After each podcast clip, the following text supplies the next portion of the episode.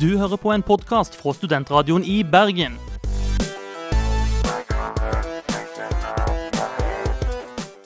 Denne og mange andre flotte podkaster finner du på podkast.srib.no.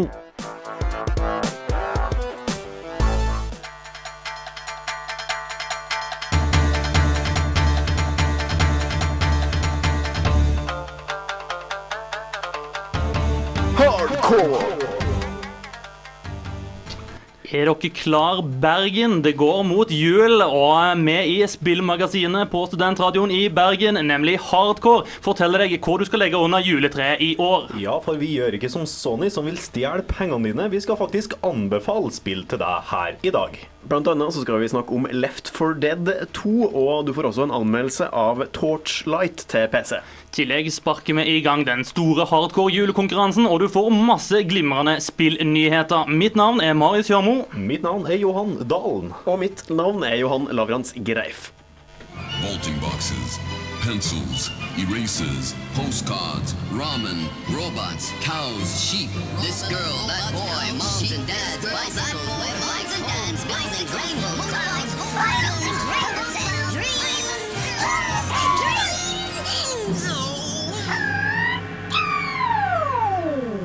Som Marius Kjørmo lovte før siste låta her, så skal vi sparke i gang den store julekonkurransen til hardcore i år. Og den konkurransen er kanskje årets enkleste, vil dere ikke si det? Det vil jeg absolutt si. Det eneste du trenger å gjøre, er å finne fram e-postleseren din, sende oss en koselig julehilsen. Ja, eventuelt så kan du sende oss et julekort. Det blir vi også veldig glad for. Og kanskje vi skal spare stortitlene til julekortene som kommer til å ramle inn i studentradioen etter det her. Ja, uh, du kan sende svaret ditt til hardcorealfakrøll.srib.no. Uh, vi har da masse spill til masse plattformer, bl.a. New Super Mario Brothers 2 er vel ett jeg kommer på i farten, og mange andre stortitler. Ja, og Det blir Assassin's Creed 2, det blir Call of Duty Modern Warfare 2. og Det er bonanza av masse flotte spill. I år så kommer vi ikke til å legge ut en komplett liste, uh, men jeg kan love at det er kjempemasse flott å vinne. Og vi har en tradisjon i hardcore for at vi klarer å finne en julepresang til nesten alle som sender inn bidrag. Ja, så send en julehilsen til hardcorealfakullsrib.no, og husk å få med navn og adresse, og hvilken konsoll eller PC du vil ha spill til. I woke up in a bad dream. My head felt two sizes too small for my brain, Max Payne. I envy your name. and the killer was smiling. Pleased to meet you. I'm Frankie the Bat Niagara. Niagara, as in you cry a lot. He had a baseball bat and I was tied to a chair. Pissing him off was the smart thing to do. Det er dags for litt ymse spillnyheter, og vi kan jo starte med en ting som eh, jeg sjøl personlig er ganske opphengt i, kanskje litt mer enn enkelte andre. Eh, det er nemlig sånn at enkelte storspill kommer i en såkalt Collectors Edition, og der er det jo, følger det jo med ganske mye stæsj som ikke har forferdelig mye med spill å gjøre, og det er ting som jeg ofte setter ganske stor pris på.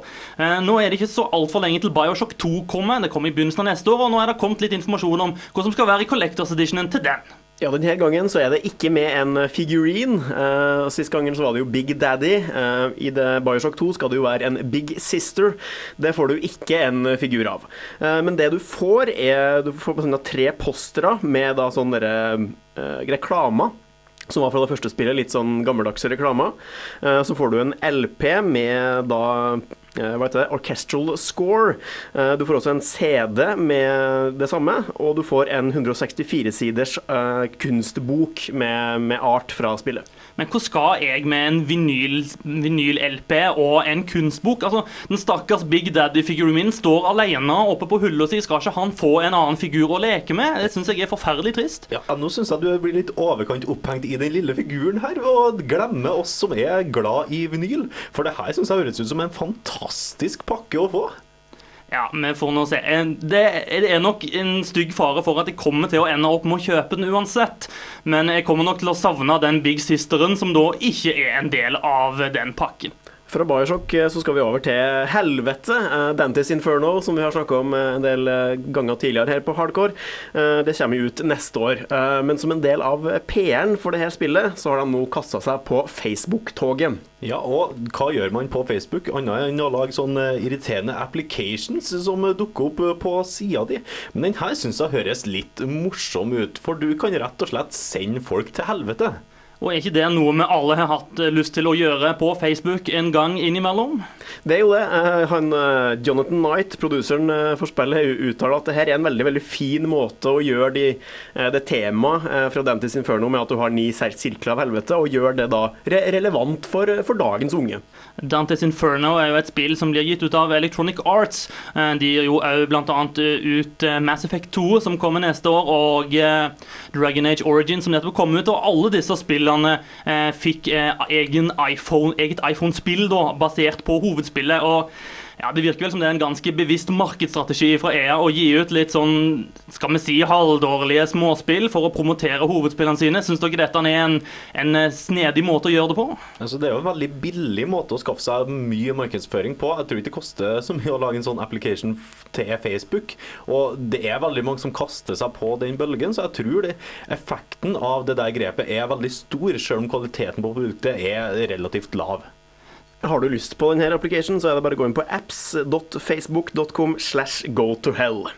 Der fikk du den. Eh, Vi skal sparke i gang dagens første anmeldelse, og det er spillet Torchlight, eh, som har fått eh, gjennomgå Vidars kritiske øyne. Hansker og vernebriller på! Hold alle armer innenfor vogna! Året 2000 tasta inn! Ikke rør noe før man kommer fram! Vent, vent, vent, vent, vent, vent, vent, vent, vent, vent, vent, vent, vent, vent.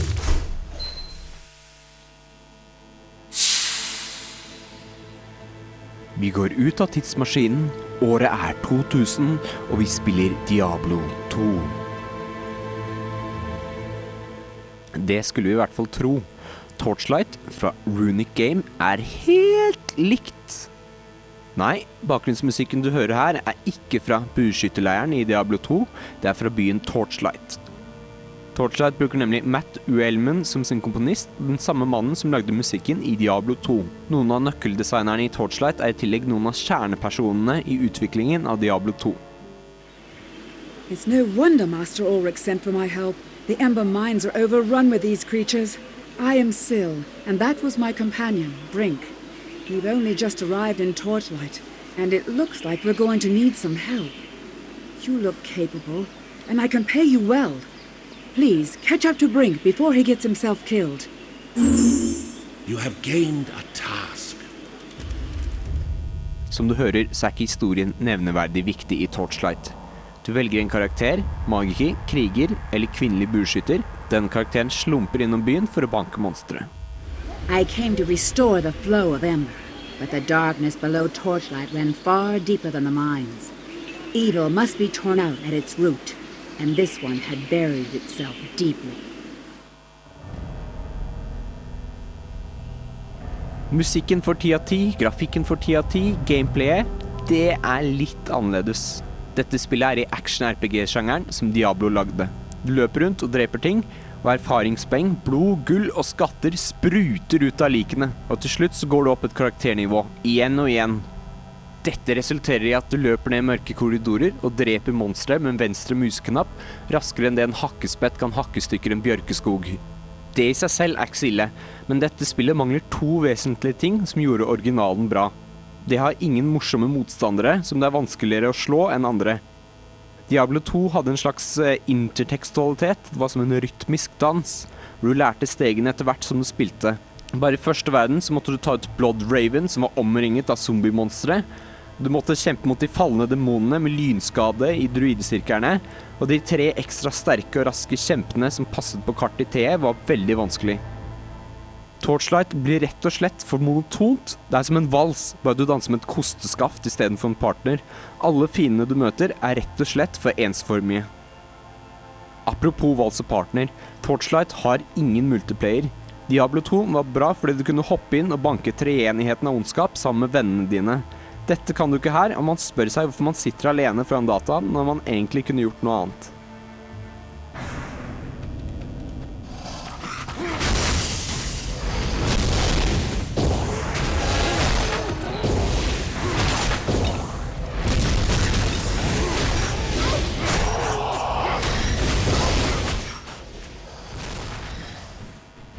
Runic, altså utviklerne av Torchlight, planer å gi ut et MMO-RPG senere som er helt likt dette spillet.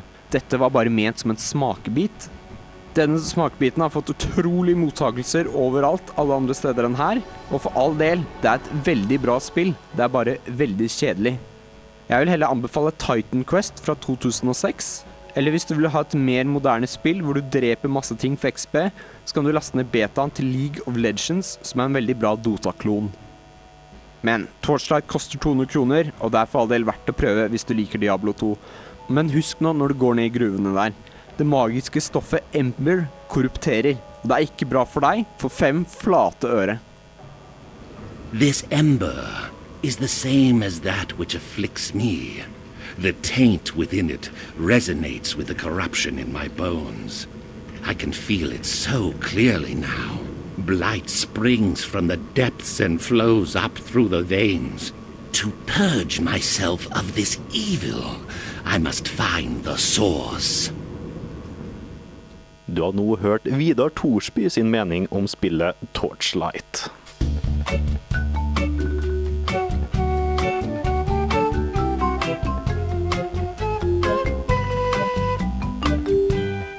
Det utvikles spill i snart alle land i verden. Et av de er vårt kjære naboland Sverige. Men eh, Pandemic eh, går de litt tregt for. Ja, det, det gjør det. De, eh, samtidig nå som eh, The Saboteur kommer ut den 3. desember, eh, så blir de hele hurven blir lagt ned. Hele studioet er borte. Det er litt kjipt da, sånn der Med en gang du er ferdig med tittelen, så er det sånn Nei, ha det bra. Det var siste vi gjorde på jobb. Og det er jo også litt eh, Jeg har jo ikke sett nå reklame for det spillet overhodet, eh, så kanskje jeg har gitt opp eh, litt før det spillet helt tatt har kommet ut. Jeg har ikke sett noe reklame, men det er voldsomt mye hype på alle spillnettsteder, syns jeg. Det legges jo ut nyheter og nye bilder hele tida, og spillet ser jo råkult ut. Så skal det jo også sies at EA er jo et kjempestort eh, multinasjonalt selskap som gir ut veldig veldig mange spill. Eh, og de har nok en, eh, en overordna plan for å promotere mm, sånn at de selger flest mulig spill sammenlagt nå fram mot jula. Og da har du nok alternativer som f.eks. Dragon Age er nok kanskje foran The Saboteur i den køen. Det som er litt artig med det spillet, er jo at det er basert på en delvis en ekte historie om en sånn racecar driver som ble eh, dobbeltagent eh, for, for britene. Det er et eller annet som skurrer litt med det å være en snikmorder og en racersjåfør. Jeg føler det kan kanskje bli vanskelig i spillet å kombinere de to. Ja. ja. Men vet vi om det blir en kombinasjon? Blir det bilkjøring og snikmording? Så vidt jeg har skjønt, ja, det blir det. Men ja. det spillet kommer vel ut eh, med en gang vi tipper kalenderen over til desember, så det blir i hvert fall spennende å se da, hvordan det blir. Um, noen andre som òg er interessert i penger, er jo Sony. Uh, og det er jo litt sånn spennende, den konkurransen som Sony har med Microsoft, da, som eller PlayStation og Xbox. Uh, for på Xboxen så er det sånn at du må betale en årlig avgift for å fornytte deg fullt av det internettsystemet som Xboxen har, altså Xbox Live. Mens på PlayStation, PlayStation Network så har dette vært gratis, og Sony har vært flinke til å skryte av hvor mye snillere de er enn Microsoft pga. dette.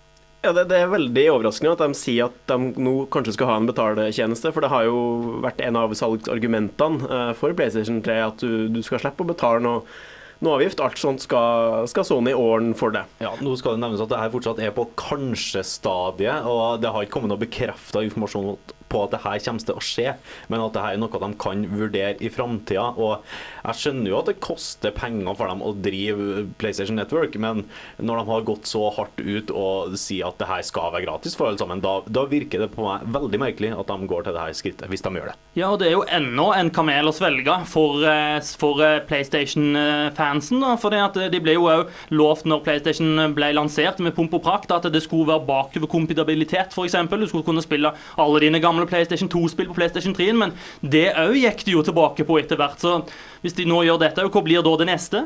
Ja, det er for min del som kan berge altså den, den nettjenesten til PlayStation litt, er jo hvis den filmtjenesten deres blir veldig bra. Uh, for de har jo sagt at de skal ha et utvalg på mange hundre, uh, men nå har det jo bare kommet i Storbritannia og Spania, er det vel, og ikke, det ikke, kommer ikke hit med det første. Men det kommer derimot en musikkvideotjeneste skal komme, eh, som en etter hvert skal få tilgang til på PlayStation Network òg her i Norge. Det er i hvert fall noe som vi her i Hardcore gleder oss veldig til. Eh, Men det er også sånn at det skjer òg ting her hjemme i Norge. Eh, En av de tingene som diskuteres ganske høylytt, er rett og slett oss. Ikke nødvendigvis vi som er i studio i dag, men norske spilljournalister nå. Det er en del debatt på om vi gjør jobben god nok. Og eh, når eh, Join Game hadde konferanse her i Bergen, da var selvfølgelig Hardcore på plass og dekte nettopp den debatten.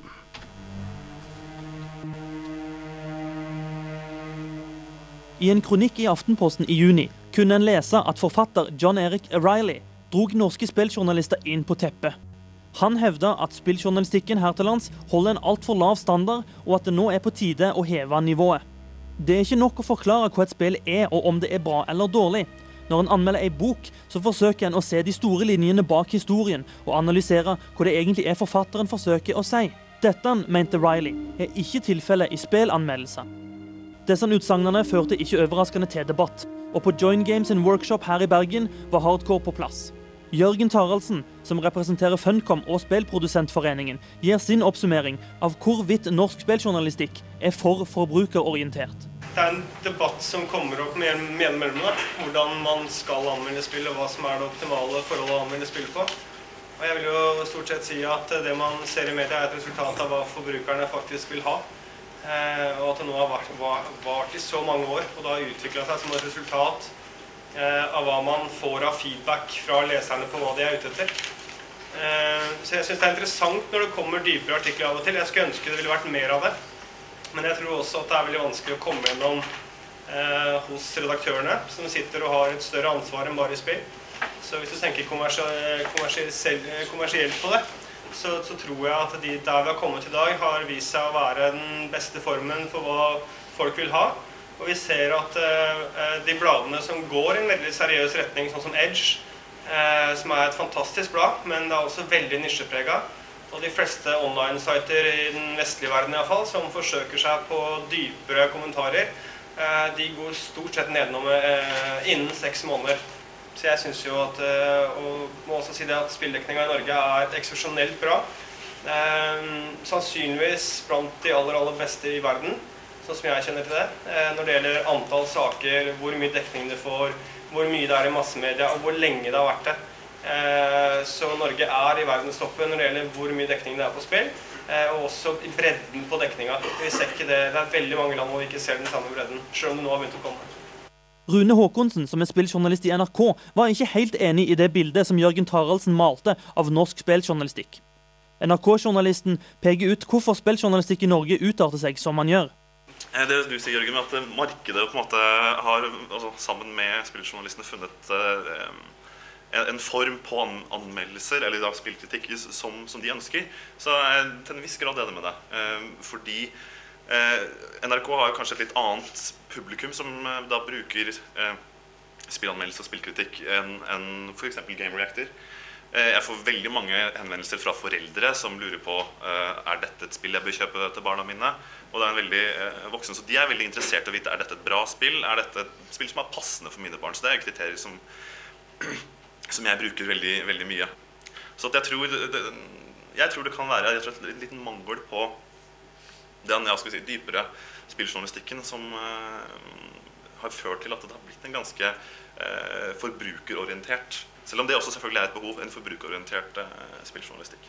Men er det ikke plass til både forbrukerorienterte anmeldelser og dybdesaker i norsk spilljournalistikk? Jon Cato Lorentzen, som er redaktør i Game Reactor og også skribent for Aftenposten, mener at det er der. Alle vi som anmelder spill i massemedia, i hvert fall, vi, vi driver jo en forbrukerorientert spilljournalistikk. Fordi eh, vi skal anmelde ferske spill, vi skal ha anmeldelsen klar når spillet kommer. fordi det, det, det Hvis jeg snakker for gamerektoren, nå, så er det det leserne mine vil ha. De vil ha ferske spillomtaler. Relevante spillomtaler. Og de vil vite De har ett spørsmål, og det er om de bør kjøpe spill eller ikke. Det er da eh, den nordiske redaksjonelle linja vår er å, å være oppdatert og ha spillomtalene klare til utgivelse. Og jeg tror Mye av grunnen til at mange reagerte, eh, eller mange som skriver om spill, reagerte så mye på Riley sine argumenter, er jo at, at mange av de som skriver om spill, det har jo vært med å definere det her feltet spillkritikk som eh, det ble snakka om her. og- de, det, det er ikke, Når jeg skriver for Aftenposten nå, så er det ingen i Aftenposten av, av min redaktør eller andre i redaksjonen der som egentlig vet hva jeg holder på med. For det er ingen av de som har et forhold til hva jeg holder på med. Så jeg har egentlig veldig frie tøyler der, men de vet at de vil ha stoff tilpassa deres målgruppe, som er voksne lesere som nødvendigvis ikke er så inne i spillmediet. Så det jeg da skriver for Aftenposten, det er mer kulturrelevant spillstoff. Prøve å trekke paralleller til andre kulturfelter, til debatter, til kontroverser osv. Uh, som er leselig for, for folk flest. Mens når jeg skriver for Game Reactor, så skriver jeg for tenåringsgutter og unge menn som, eh, som kjøper ett spill i måneden ca. Og som er aktive spillere. Eh, og det er veldig forskjellige tilnærminger, men sånn generelt sett i massemedia så, så er det forbrukerjournalistikk. Og det, det går veldig mye på kapasitet om man har tid til å gå i dybden på det. Det er greit nok at en trenger mer kapasitet for å lage flere dybdesaker. Men hvorfor kan ikke de anmeldelsene en skriver til daglig, òg inneholde en grundigere analyse av meninger og tankene bak spillet? O'Reilly etterlyste bl.a. Han brukte som et eksempel i en kommentar Grand Theft Auto 4 som, uh, som satire på, på, samfunnet vi lever i i dag. og sånn, og det, det, er så lett å kaste Grand Theft Auto 4 opp på bordet, fordi det fins ett Grand Theft Auto 4. Og for hvert Grand Theft Auto 4 så finnes det 50 spill som ikke har noen visjon bak seg, eller som har en kreativ regissør bak seg, som, som skal presentere samfunnskritikk eller satire. De har et team på 100 mann som drar i alle mulige retninger. Og sluttresultatet er et lappeteppe av et spill som er designa av en komité og en fokusgruppe, og som ikke skal trampe så mange på tærne, og som skal være spillbart for flest mulig. Og da, da, blir det veldig sånn overanalytisk å begynne å tillegge sånne spill mange meninger og, og relevans som ikke er der i utgangspunktet, føler jeg da i hvert fall. Men jeg, jeg ser at det er et behov for dypere kritikk, sånn som den World of Warcraft-saken til NRK. Eh, når, når, spill blir mer enn spill i seg sjøl, så er det et behov for å, å lage mer stoff om det. Med andre ord så er spilljournalister generelt enige om at dybdesaker er en fin ting som det godt kan være mer av. Men samtidig, det blir tåpelig å overanalysere et underholdningsprodukt og tillegge det mer dybde enn det det faktisk har. Av og til er Mario and Sonic at the Olympics bare en rørlegger og et pinnsvin som deltar i OL. En kan alltids påstå at dette spillet reflekterer arbeidernes kamp i en kapitalistisk verden, eller kanskje problemet med naturvern mot økonomisk utvikling. Sånne syn kan selvsagt være underholdende, men strengt talt så er det jo bare fjas.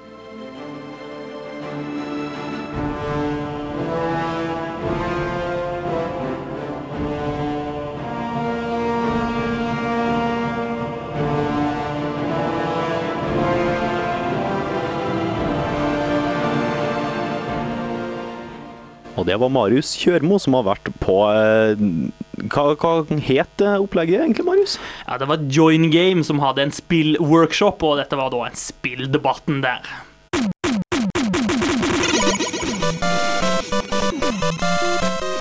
Hardcore. Er det én ting de aller fleste gamere har et minne om fra barndommen, så er det at de satt med den gamle Nintendo 8-bit og spilte de originale Super Mario-spillerne. Nå er vi så heldige at endelig, en hel bøtte med året etter, så kommer det nå et nytt 2D-plattform Mario-spill, og det har du spilt, Johan. Ja, det er New Super Mario Brothers V, en lang og fin tittel der. Eh, den første 2D-plattformen til et hjemmesystem siden Super Mario Bros 3, blir det vel. Nei, Super Mario, Bros, Super Mario World, beklager. Um, det første som slår deg når du slår på det her spillet, her, at uh, hm, hvilket år er det egentlig? Er det 1991 nå, eller 1989, eller noe sånt? For det er veldig old school, det her. Ja, Men er ikke det en bra ting, da? Altså, Er det ikke det folk har mast om i så lenge? At vi vil ha gode, gamle Mario? altså, Personlig så er jeg litt skuffa at de ikke har gjort mer nytt. Uh, men altså, det, det, altså, uh, Super Mario 3 er jo fortsatt en av de beste spillene som fins, og det spillet her uh, ligner jo veldig mye på det spillet. så da er det jo veldig bra.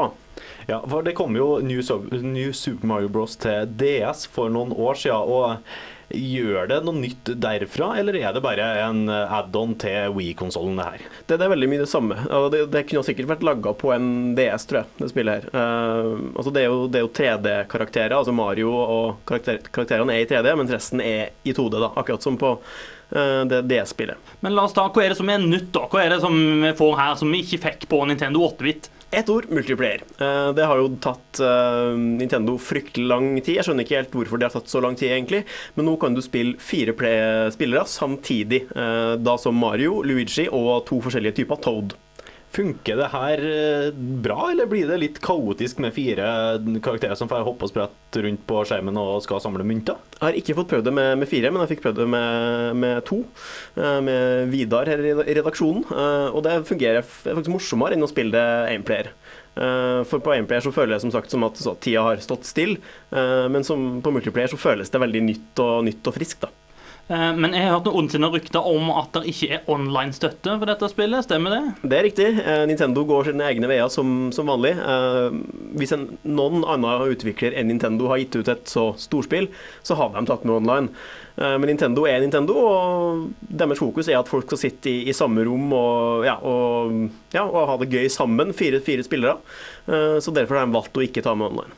Nintendo gjør som de alltid har gjort, og som de sjøl ønsker. Og apropos det. eh, En ting som vi jo ofte diskuterer med spill, er jo historien. Kan du si noe banebrytende om historien i dette Mario-spillet? Eh, Nei, jeg, kan dessverre ikke det. Eh, Det er, da, det er veldig fin introscene, for da er det da Peach har bursdag, altså prinsessa i Mario, Eh, og så kommer det da ei, eh, ei diger kake eh, gående. Da er det da de ungene til Copa eh, som har bakt kake. Så hiver de kaka oppå Peach, og så da forsvinner hun inn i kaka. Og så stikker de av med kaka og Peach. Det er en god klassisk Mario-åpning. det, Det spiser jo ut Mario-spill hele tida, syns jeg. Både til DS og og alt mulig. Er det bare den samme kverna? Liker vi det her bare for at det er Mario? For at det er nostalgi? Ja, altså, som sagt, er, altså, hvis du er ute etter noe nytt og spennende på singleplayer-fronten, så får du ikke det. Eh, Men altså, hvis du har lyst til å spille Mario med vennene dine, så er dette helt glitrende moro. Eh, Men det er jo Super Mario Galaxy, eh, som kom for et par år siden, er jo fortsatt et mye, mye bedre spill, som tar Mario videre. da. Men for alle som er glad i retro-gaming, så er det ingen tvil. Det må kjøpes, det her. Ja, for nå er det jo sånn at det er et lite steinkast mellom eh, hvert eh, glimrende spill som kommer til Nintendo Wii. Og siden vi er jo her på oss eh, julenisseskjeggene i dag, så eh, må jo nesten folk få vite er dette en ting som bør legges under juletreet. Ja, er, altså, hvis du eh, vil ha noe nytt, så nei. Men eh, hvis du har den minste forkjærlighet for retrogaming, så ja, definitivt. Ja da, det er Torstein Hyl, du hører på Studentradioen. Yo, jeg har rocka hver en eneste klubben, hver eneste stadion. Når jeg er i Bergen, så hører jeg kun på Studentradioen. Yeah. Du som sidebrok hører på Studentradioen i Bergen, og det er Hardcore Spillmagasinet som er på lufta. Og vi skal ha litt mer spillnyheter nå, for det er jo en, en skal vi si, en føljetong eh, nyheter fra det amerikanske rettsvesenet. Der er det jo alltid masse morsomt som kommer ut. Ja, det, denne gangen så dreier det seg om saksøking av faktisk alle de tre store konsollprodusentene. Eh, Det er en, en fyr som heter Erik Estavillo, eh, som har saksøkt Sony, Nintendo og Microsoft. Og hvorfor gjør han nå dette? Hva har de store selskapene gjort for å knuse denne stakkars arbeidsomme mannen? Ja, skal vi bare ta Sony, da. Grunnen der er at han har blitt kasta ut av et forum for å komme med hatefulle kommentarer. Er det ikke, er det ikke ytringsfrihet lenger i USA? Er det slutt på det? Er det det man gjør på et forum? ja, det er jo stort sett det, egentlig. Jeg syns i hvert fall at jeg, eh, når jeg blir kasta ut av forum, så syns jeg at jeg fortjener et, eh, et eh, stort antall millioner dollar i kompensasjon, i hvert fall. Ja, men altså når du ikke får det fra Sony, så kan du jo prøve å gå til Microsoft og saksøke dem for at han ble stressa og trist av at Xboxen hans fikk Red Ring of Death.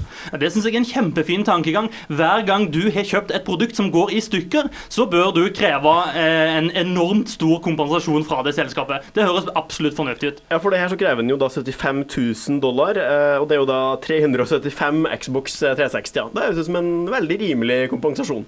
Absolutt. Eh, Og når du vet hvor fort en Xbox går i stykker, så kanskje du trenger så mange faktisk hvis du skal holde helt eh, inn til jul. Ja, men jeg liker fortsatt grunnen til at han saksøker Nintendo best. For det er at Nintendo har ødelagt hans pursuit of happiness, eller søken etter lykke. Hvordan Nintendo har greid det, det gjenstår å finne ut. Ja, det er Mye stygt kan sies om eh, store japanske selskaper, men eh, dette hørtes litt vel drøyt ut, til og med for de.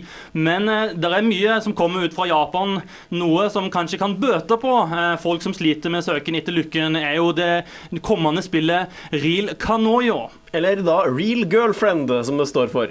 Eh, det her er jo en, eh, en sjanger som har funtes i Japan en del år. Den fins ikke her. Eh, Men sånn, den type kjærestespill og de datingspill er en eh, ja, sånn relativt stor sjanger i Japan. Og sånn som jeg har forstått det, så i dette spillet så får du da utlevert en ekte kjæreste i form av en virtuell representasjon på skjermen din. Ja, man, man kan egentlig se for seg en av de damene fra Dead or Alive-serien. Eh, litt sånn, sånn som, som da ligger på, på stranda og sånn. Eh, og så er det, jeg, jeg tror det var til PC det spillet her. Eh, og da kan du da gjøre forskjellige ting eh, med din real canada. Ja, for det er vel full eh, valgfrihet hva du skal gjøre med kjæresten din i dette spillet, ikke da? ja, det er det. En, en liker jo å tro at når det er snakk om et eh, litt sånn halverotisk spill, så er det jo gjerne litt tafsing her og der. Det er jo ikke noe nytt, men det var likevel noe som, som fikk oss litt, litt mer interessert i dette spillet enn i de andre mange tafsespillene som vi har på lista vår. Ja, for her så kan du ta og eh, da pelle nesen på din eh, real girlfriend, som det ble eh, vist på et herlig screenshot. Og hvem har vel ikke lyst til det? Og du kan jo ta tak i kinnet hennes og kose litt med henne som om hun var en tre år gammel unge, f.eks. Eller bare generelt eh, klapsende litt på, på halsen eller på pannen, eller Ja, det er sånn fritt valg hva du egentlig ønsker å gjøre, helt innenfor tafse, tafsens grenser, da. Jeg lurer jo litt på hva som kommer til å skje når eh, Microsoft kommer med sin natal-teknologi. om det vil bli oversvømt med sånne tafsespill i det japanske markedet. Ja, jeg lurer også på om special edition-utgaven av det her spillet medfølger ei dokke som du kan tafse på, som registrerer dine bevegelser på PC-en. Vi gleder oss til hva framtidens teknologi har å by på. Mens vi tafser litt på hverandre her i studio, så skal du få høre neste anmeldelse. Det er zombiespillet Left for Dead 2, som Johan Lavrans Greif har anmeldt. De fleste mennesker er sosiale dyr som liker å samarbeide med andre. Samarbeid i dataspill fungerer ikke alltid like bra. Men heldigvis finnes det én ting som gjør enhver gamer til en lagspiller. Zombier.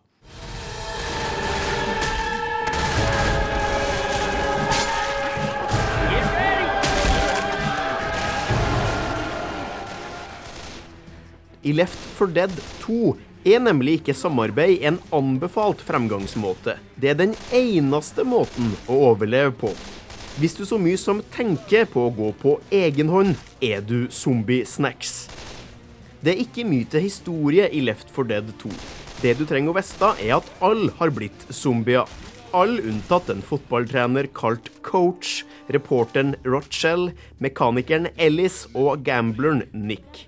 Du og tre venner har som oppgave å guide de her ulykkelige sjelene til frihet. Last time I saw my grandmother, she asked me was I still a praying man. I told her, yes ma'am. Well, she says, pray harder. Cause it ain't working. Denne gangen får du fem nye brett å spille gjennom. Et kjøpesenter, et sirkus og en sump, for å nevne noe. Det forrige Left 4 Dead var en stor hit her i Hardcore-redaksjonen, og jeg var spent på hvilke nyvinninger Volve hadde i bakhånd. Den viktigste nyvinninga er nok håndvåpnene. Ser du en zombie, ja da er det bare å daske til den med ei steikepanne, baseballkølle, gitar eller ninjasverd. Noen få ganger får man også lov til å meske seg med ei motorsag, og det er latterlig effektivt og fryktelig moro. And if we run out of bullets, baby, they're gonna wish we had.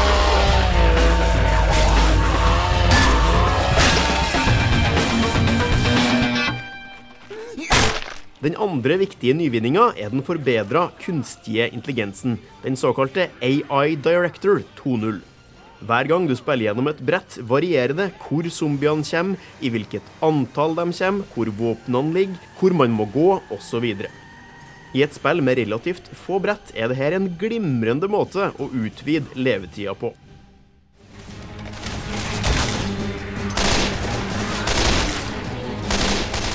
Left 4 Dead 2 inkluderer også en rekke nye spesialzombier. Min personlige favoritt er nok jockey-zombien. En slags levende død utgave av ringeren i Notre-Dame, som kaster seg opp på ryggen din og rir deg av gårde.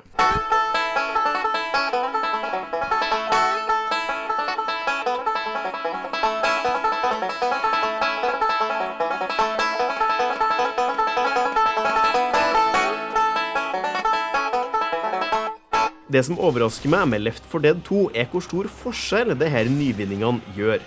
Håndvåpnene gjør spillet tre og en halv gang så underholdende som originalen, men det er mengden zombier som gjør det her spillet. Vi kan sette opp følgende ligning. Underholdningsverdi i et spill er lik X, der X er antall zombier per kvadratmeter. Det er voldsomt imponerende hvor mange zombier WoW klarer å kaste inn på skjermen uten at det påvirker frameraten. Left 4 Dead 2 er total galskap. Og det er samarbeidsbasert voldsunderholdning på sitt aller beste. Det kan best beskrives som en flerspillerversjon av Dead Risings zombie-apokalypse, og et av årets aller sikreste kjøp.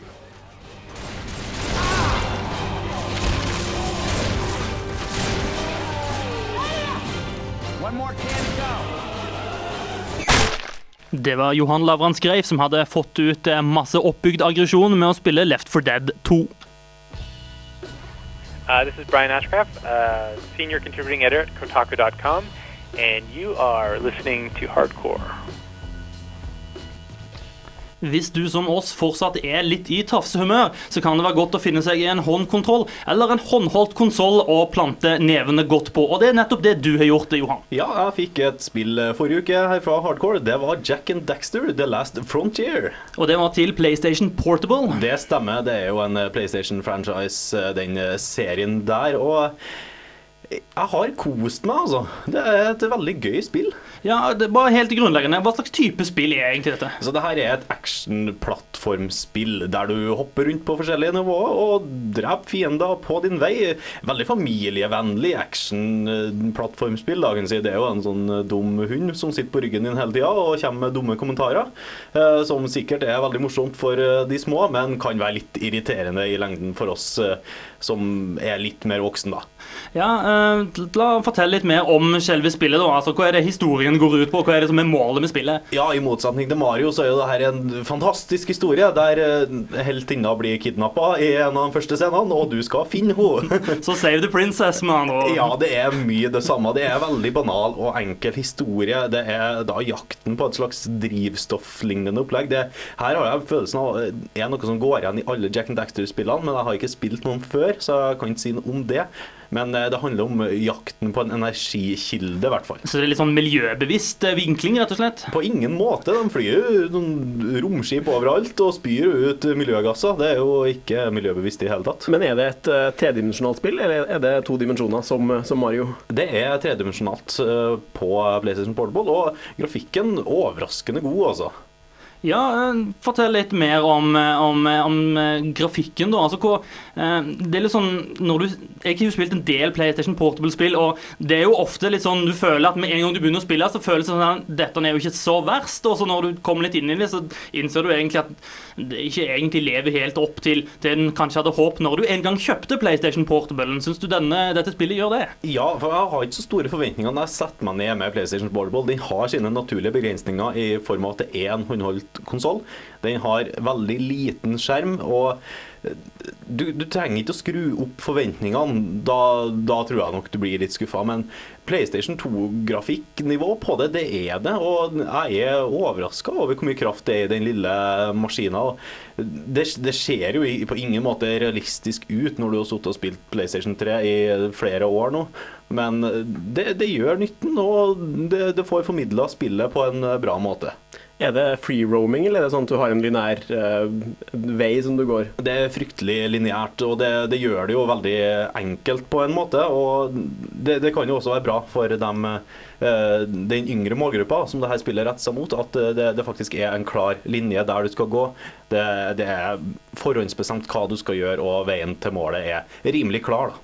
Hvorfor skal foreldre legge Jack and Daxter under juletreet i år? Nei, for det her er rett og slett et veldig, veldig morsomt og bra plattformspill for eh, PlayStation Portable. Har du en PlayStation Portable og liker sjangeren, så bør du nesten gå til eh, I hvert fall tenk på å gjøre et innkjøp her. Hvis du har flere lignende, så tror jeg nok at det er mye, mye det samme du får.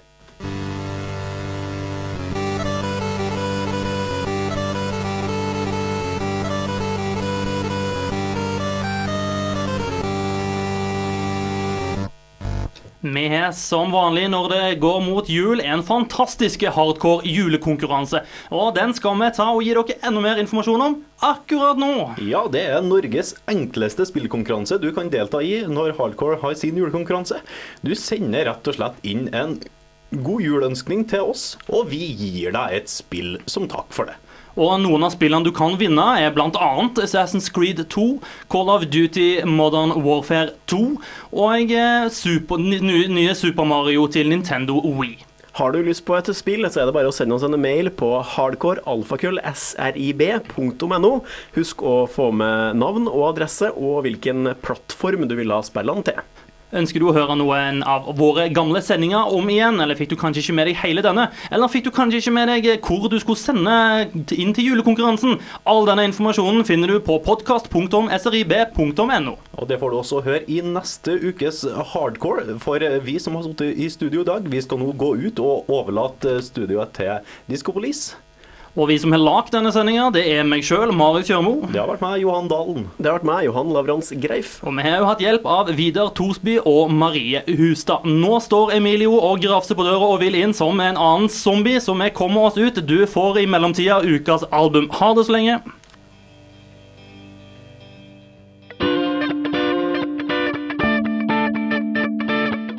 Du hører på en podkast fra Studentradioen i Bergen.